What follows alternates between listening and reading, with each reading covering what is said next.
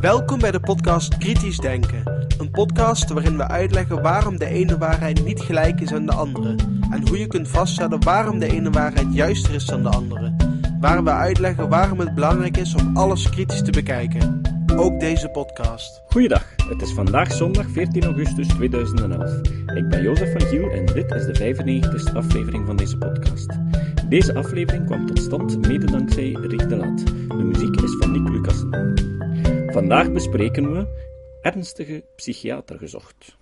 Patrick Vermeeren vertelt er over de lijdensweg van zijn vrouw. Het verhaal is te lezen op de website van Skep. Ernstige psychiater gezocht. Het zal je maar overkomen, een psychisch ziek familielid hebben en een helse zoektocht moeten ondernemen om je familielid aan een arts met betrouwbare kennis toe te vertrouwen. Het overkwam mezelf. In overleg met mijn echtgenote doen we deze openlijke publicatie om enerzijds het depressiesyndroom uit de taboesfeer te halen en anderzijds eens een steen in de kikkerpoel van de psychiatrie en de klinische psychologie te gooien.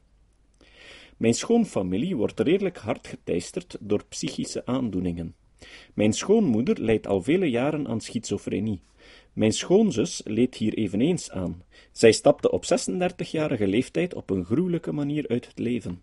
En mijn echtgenote blijkt nu te lijden aan een biologische vorm van plots toeslaande depressie, psychotische depressie. Tot voor kort vertrouwde ik mij domweg op de reguliere medische wereld en verfoeide ik de alternatieve geneeskunde. Wees gerust, ik verfoei nog steeds, en nog meer zelfs, de alternatieve geneeskunde. Getuige daarvan onze juridische actie tegen een charlatan die mijn schoonzus had bezworen haar reguliere medicatie ter behandeling van schizofrenie te stoppen en zijn bachbloesemaftreksel in te nemen aan het schappelijke prijsje van 125 euro per maand. De Leidensweg begon in 1994, toen mijn echtgenote 29 jaar oud was en zwanger van ons eerste kindje. Helaas verloor mijn echtgenote anemie door een misval tussen de tweede en de derde maand een kindje. De gynaecoloog trachtte ons te troosten door te stellen dat er meestal iets mis was als er zich een misval voordeed en dat de natuur een soort van zelfcorrectie deed. Een magere troost op dat moment, maar toeval of niet, een paar maanden later kreeg zij ernstige pijn in haar rechteroog. We werden door de huisarts doorverwezen naar de spoedafdeling van de VUB-kliniek. De professor daar kwam al snel tot de diagnose dat anemie leed aan papillitis, een ontsteking van de zenuw achteraan het oog. Ze diende medicatie te krijgen, met een flinke dosis cortisone als ingrediënt, waarvan op de bijsluiter vermeld stond dat ze ernstige persoonlijkheidsstoornissen zoals depressie kon veroorzaken. Ik was zeer bang, gelet op de problemen met haar moeder en haar zus, die toen ook al een vijftal jaar aan schizofrenie leed. De behandelende professor was echter formeel. Het was zowat kiezen tussen cholera en de pest. Ofwel zou mijn vrouw het complete zicht uit haar oog verliezen, ofwel zou zij een kans lopen om depressief te worden. Hij vreesde bovendien voor een uitbreiding van de ontsteking. Ze diende ook een reeks neurologische onderzoeken te ondergaan, waarbij we te horen kregen dat papillitis immers een correlatie van 0,5 vertoonde met multiple sclerose. Weerom toeval of niet, maar mijn echtgenote werd al depressief aan het eind van haar opname en de depressie duurde meerdere weken. De toenmalige huisarts schreef een behandeling met Aropax, een antidepressivum, voor. Het scheen goed aan te slaan. Een beetje later raakte Anemie overigens opnieuw zwanger en onze eerste dochter werd in april 1995 geboren. Net als elke gemiddelde mens zocht ik naar verklaringen. Achteraf. Destijds zocht ik de oorzaak ofwel bij de medicatie, die in mijn ogen de depressie had uitgelokt, of in haar familiale belasting. Een derde verklaring kon echter ook de combinatie van uitlokkende factoren zijn. Hoewel mijn echtgenote niet depressief was geworden na de misval, kon de combinatie van de misval met het probleem met haar oog niet worden uitgesloten. Alles ging goed, we kregen 18 maanden later een tweede kind en in 1997 startten we met de bouw van ons huis. Op aanraden van de huisarts was Annemie gestopt met het innemen van haar medicatie. Een maand voor de verhuis naar ons nieuwe huis sloeg de depressie opnieuw plots toe. Wanneer Annemie juist stopte met haar medicatie, kan ik helaas niet meer achterhalen. Wanneer Annemie juist stopte met haar medicatie, kan ik helaas niet meer achterhalen. De voor de hand liggende verklaring kon de stress van de verhuis zijn, hoewel ze dit niet zo ervoer. De nieuwe huisarts raadde een hervatting van de medicatie aan, Aropax en daarna zijn generische vervanger. De depressieve episodes volgden elkaar echter snel op. Het is te zeggen, mijn echtgenote kon niet leven met het idee dat zij van pillen afhankelijk zou blijven. Elke poging om te stoppen leidde vier tot vijf maanden na het beëindigen telkens tot een plotse terugval. In 1999, 2000, 2002, 2005 en 2007 waren de respectievelijke jaren. Eén rode draad: een stopzetting van de medicatie, met uitzondering van 2005. Annemie werd niet depressief toen haar zus een einde maakte aan haar leven, toen een van onze kinderen werd gediagnosticeerd met kinderreuma, en niet toen mijn vader stierf na een lange lijdensweg van botkanker. Er werd op geen enkel moment een ernstige stresstoestand vastgesteld. Annemie probeerde ook verschillende vormen van psychotherapie, systeemtherapie, mindfulness, cognitieve gedragstherapie, maar niets bleek haar soelaas te kunnen brengen en ze hield het nooit lang vol. Wanneer de medicatie aansloeg, verdwenen de problemen en de rare gedachten immers als sneeuw voor de zon.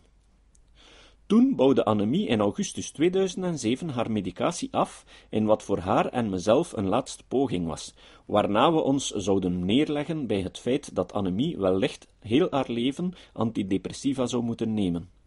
Een collega op het werk, klinisch psycholoog en een eigen praktijk, en ook verbonden aan de Sint-Josefskliniek in Kortenberg, raadde mij aan om een modernere medicatie te vragen aan de huisarts. Hij adviseerde Cipralexa. Onze huisarts volgde dit advies begin november 2007. Er kwam echter geen verbetering en in januari 2008 gingen we op aanraden van dezelfde klinisch psycholoog toch op raadpleging bij een psychiater, dokter Kootjans, in het Imelda ziekenhuis te Duffel, een arts die regelmatig patiënten naar hem doorverwees. Ik had mij ondertussen ook mede door enkele modules te volgen aan de Open Universiteit in Nederland verdiept in de psychologie. Ik kreeg toegang tot de database van de APA en kreeg regelmatig van bevriende professoren via mijn werk wetenschappelijke artikels toegestuurd. Ik was niet verbaasd toen onze psychiater gebruik maakte van de Beck-depressieschaal. De score van anemie was zo hoog dat hij aandrang op opname in de PAAZ. Groot was haar en mijn verbazing echter, toen ze haar later onderwierpen aan de Rorschach-test, een inktvlekkentest waarin men zaken diende te herkennen, en op basis waarvan de psycholoog of de verpleger uitspraken doet over de persoonlijkheid. Wij konden ons niet herkennen in het geschetste persoonlijkheidsprofiel, en ik sprak de psychiater erover aan, die koudweg antwoordde dat de Rorschach-test werd aanvaard in gerechtelijke middens en dat dit genoeg zei. De arts hield ook vast aan Cipralexa, wat hij gewoon aanvulde met 200 gram Solian, een psychosebestrijdend medicijn. Na vier weken verliet zij de kliniek en in maart 2008 kon zij haar werk ervatten. Wat al die jaren de rode draad was in haar verhaal, maar enkel tijdens haar depressieve periodes het geval was, was haar uitermate laag zelfbeeld, waarbij zij ook aangaf dat zij ervan overtuigd was dat zij haar hogeschooldiploma niet had verdiend, maar dat de leraren collectief hadden samengespannen om haar te delibereren en haar het diploma bij eerste zit te geven, totaal onverdiend dus. Ze vond dan ook telkens dat ze veel minder interesse heeft dan anderen en veel minder slim is. In een andere variant vertelt zij dat zij haar diploma haalde dankzij mijn niet aflatende hulp, terwijl ik in het jaar dat zij afstudeerde, van januari tot augustus, mijn legerdienst deed in Weiden, vlakbij Keulen in Duitsland, waarbij ik ook niet elk weekend naar huis kon komen. Buiten de depressieve episodes treden deze gedachten niet op. Wist ik veel, niemand, nog de psychologen, nog de huisartsen, nog de psychiater uit Duffel heeft mij ooit aangegeven dat dit symptomen van psychotische depressie konden zijn. Dat we niet eerder een psychiater raadpleegden, heeft deels te maken met het feit dat ik huiverig sta tegen de bizarre theorieën en het vaak manifest buitennistige gedrag van een aantal psychiaters, maar ook de kritische uitlatingen van de huisarts zelf en professoren in de psychologie ten aanzien van psychiatrie en psychotherapie. Omdat anemie op de maximumdosis Cipralexa stond, bespraken we in augustus 2009 met de huisarts een afbouw naar één pilletje. In februari 2010 herviel anemie op enkele dagen in een erg diepe depressie, wat voor mij bevestigde dat Cipralexa voor haar nooit echt goed had gewerkt, maar wat achteraf bekeken ook even goed door de halvering van de dosering kon zijn uitgelokt. Op een bepaalde dag vertelde Anemie dat ze angstig was, en de dag nadien had ze al een slapeloze nacht en gleed ze razendsnel af naar een diepe depressie. Ze verzocht in die weken meermaals om euthanasie. De huisarts schreef in allerlei opnieuw de dubbele dosis Cipralexa voor en 200 milligram Solian en 200 milligram Solian. Na meer dan acht weken blijkt het echter vergeefs en anemie is al zo verzwakt, 7 kilo gewichtsverlies, dat ze al maar vaker om euthanasie vraagt. Deze keer besluit ik samen met de huisarts dat het goed is op zoek te gaan naar een degelijke psychiater. Via mijn contacten in de academische wereld en via SCEP kom ik terecht bij een psychiater in het Universitair Ziekenhuis van Leuven, die na een kort onderzoek beslist haar meteen op een ander medicijn te zetten. 75 milligram venlafaxine. Helaas trad ook hier na zes weken geen enkele verbetering op en een opname bij deze psychiater zat er niet in, want er was geen plaats op haar afdeling. Dan werden we maar doorverwezen naar een andere afdeling, het CIC, Crisisinterventiecentrum van de Leuvense Universitaire Ziekenhuizen. Al bij het eerste gesprek met de psychiatrische verpleegkundige sloeg mijn argwaan toe. De verpleegkundige deed de uitspraak dat mijn echtgenote een zware rugzak meezeulde uit haar jonge jaren, door de toestand thuis, verwijzende naar de schizofrenie van haar moeder en het feit dat zij samen met haar zus regelmatig diende te worden opgevangen bij tantes of in het klooster bij haar tante Nonneke, de dag nadien hoorde ik dat ook daar een Rorschachstest bij een patiënt werd afgenomen door een psychiatrisch verpleegkundige. Als klap op de vuurpijl bleek dat Anemie die week op vrijdag naar huis mocht voor het weekend, in plaats van de zaterdag omdat de verpleegkundigen naar een opleidingsdag gingen, genaamd Therapeutische denkmodellen in de kliniek, leertheorie, psychoanalyse en systeemtheorie. De spreker over psychoanalyse is de fel gecontesteerde psycholoog-psychoanalyticus professor Dr.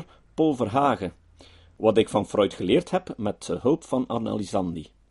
En volgens de reactie van een arts die dit artikel las, die ook de klassiek wetenschappelijke methodiek afwijst. Nu had ik in overleg met Anemie zorgvuldig vermeden om bij artsen terecht te komen die met psychoanalyse werken. In een Angelsaksische medische wereld wordt psychoanalyse niet meer serieus genomen en ook in Nederland is psychoanalyse als behandelkader geschrapt uit de terugbetaling door het College voor Zorgverzekeringen, CVZ, sinds januari dit jaar. Later hierover meer. Toen ik hierover overleg pleegde met de huisarts, stelde ik ook vast dat deze ondertussen een telefoontje had gekregen van de ons toegewezen psychiatrisch verpleegkundige met de suggestie dat anemie heel afhankelijk was en dat zij te veel naar mij opkeek. Of het niet zo kon zijn dat ik te dominant was in de relatie. Waarna de huisarts wel bevestigde dat ik wel degelijk het heft in handen had genomen telkens anemie ziek was en dat anemie inderdaad wel heel passief was.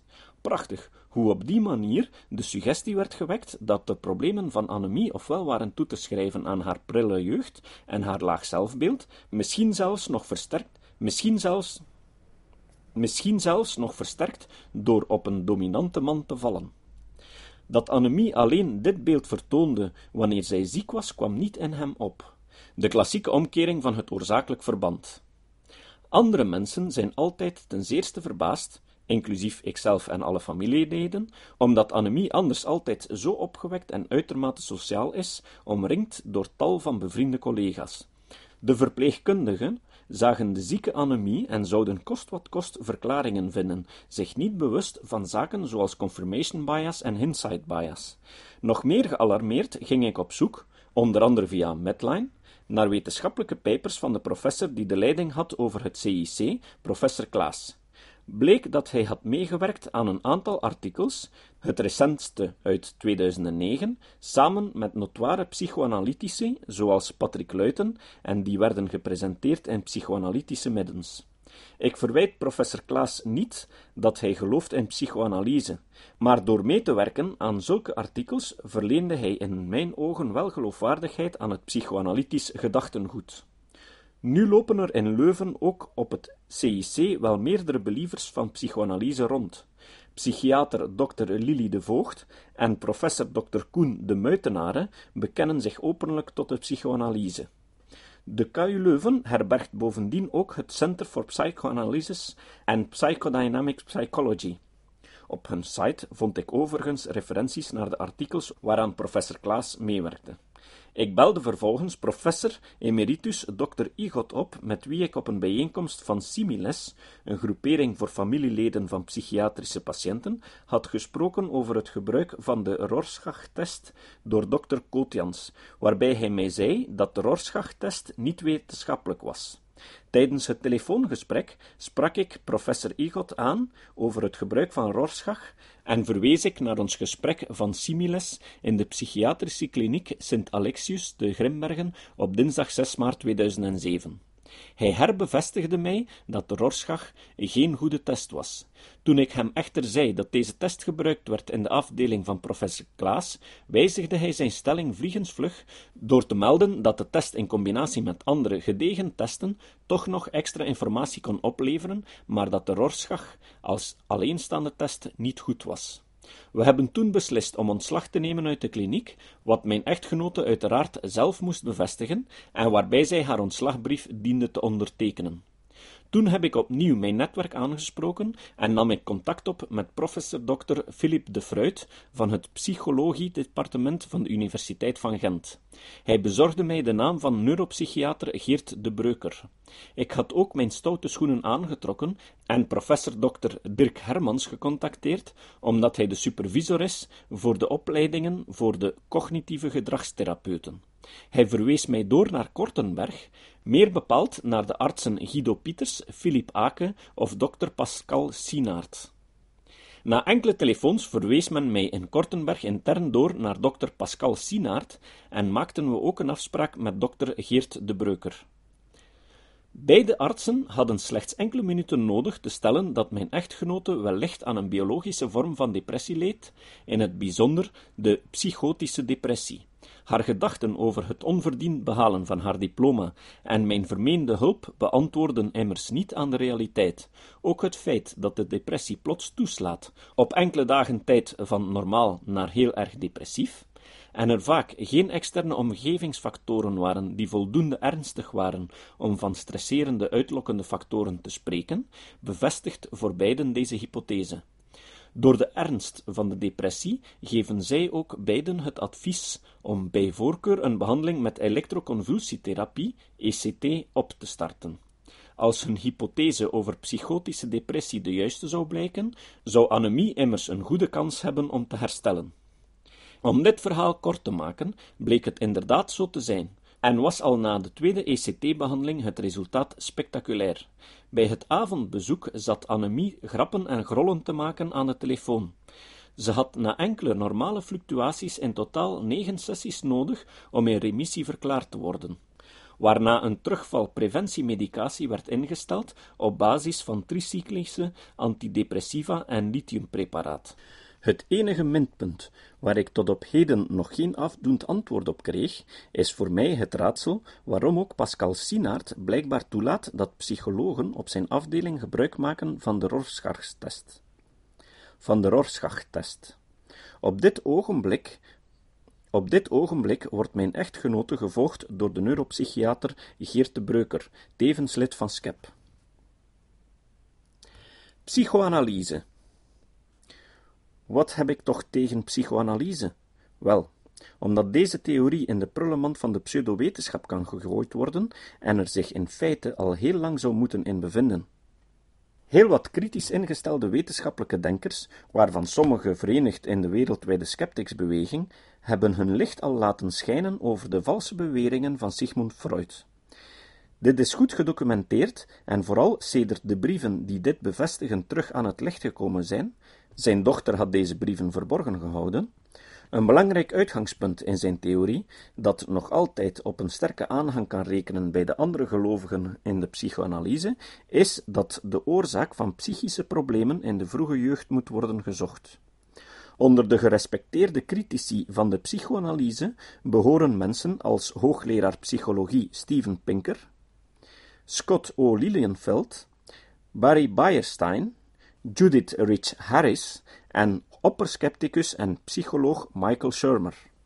En Karl Popper, een van de belangrijkste filosofen uit de 20e eeuw, was waarschijnlijk een van de eerste die de psychoanalyse aanviel. De fantast Freud Sigmund Freud, geboren in 1856 en gestorven in 1939, wordt als grondlegger van de psychoanalyse wereldwijd erkend. Hij studeerde af als arts. Ook in die tijd werd aderlating overigens nog als een goede medische praktijk beschouwd, en heeft wat verdiensten in het ontwikkelen van anesthesie, en in zekere mate zou je ook kunnen oordelen dat hij het onderbewuste onder de aandacht heeft gebracht, hoewel dit nu anders wordt gedefinieerd en ingevuld. Hij raakt echter al snel geboeid of geobsedeerd door de menselijke psyche en lanceert heel wat wilde veronderstellingen waarvan ondertussen letterlijk bijna alles totaal achterhaald blijkt. Hij dacht onder meer dat men via droomverklaringen, Traumdeutung, mensen kon helpen naar een diepere betekenis van het onderbewuste, maar lanceerde ook termen als penisnijd, alle meisjes zouden jongens in hun penis benijden, het Oedipuscomplex, waarbij iedere jongen tussen drie en vijf jaar stiekem droomt van seks met zijn moeder en het doden van zijn vader, verdringing en projectie. Zijn zogenaamd wetenschappelijke bevindingen kwamen echter niet tot stand op basis van zorgvuldig opgezet wetenschappelijk onderzoek, maar op basis van casuïstiek. Zijn theorie berust op zijn gedachten en vele van zijn beweringen zijn verzinsels of regelrechte leugens. De zogenaamde genezingen, Kleine Hans, Anna O., de Wolvenman zijn er achteraf bekeken nooit geweest, al hebben we wel moeten wachten op de waarheid, doordat de brieven die zijn dochter verborgen hield, later terug aan het licht kwamen. Een van de kernuitgangspunten van psychoanalyse is dat al onze psychische problemen als volwassenen zijn terug te voeren op traumatische ervaringen tijdens onze vroege jeugd. De manier waarop Freud en zijn moderne volgelingen op zoek gaan naar bewijzen, is er een van suggestie en inplanten van valse herinneringen. De manier van vraag stellen is een staaltje van confirmatieneiging. Freud hield alleen maar rekening met gegevens die zijn psychoanalytisch gedachtengoed bevestigen en negeerde systematisch de bewijzen die zijn gedachtengoed ontkrachten. Freud vond dit allemaal geen probleem, want de psychoanalyse is geen onpartijdig onderzoek, maar een therapeutische onderneming. Hij blijkt het seksuele overal te zien. In 1887 schrijft hij aan Willem Vlies Eén enkel idee van grote waarde is mij te binnen geschoten. Ik heb, ook in mijn eigen geval, het fenomeen gevonden dat ik van mijn moeder houd en jaloers ben op mijn vader, en ik beschouw dit als een universeel gegeven in eenieders kindertijd. Naast het feit dat hij ook geloofde in telepathie en astrologie, trouwens net als zijn zielsverwant Carl Gustav Jung, baseerde hij zich op verzinsels op amper 145 gevallen, waarvan slechts 12 uitgebreide causussen. Van die twaalf waren er negen tussen de achttien en twintig jaar. Twee derde waren vrouwen en 95% van hen zou nu beschouwd worden als neurotisch, hysterisch, angstig, fobisch of obsessief. Volgende week horen jullie het vervolg en spreken we over de moderne psychoanalyse. Het citaat. Het citaat van vandaag is van Clark Adams. Adams zei: Als atheïsme een religie is, dan is gezond zijn een ziekte. Tot de volgende keer.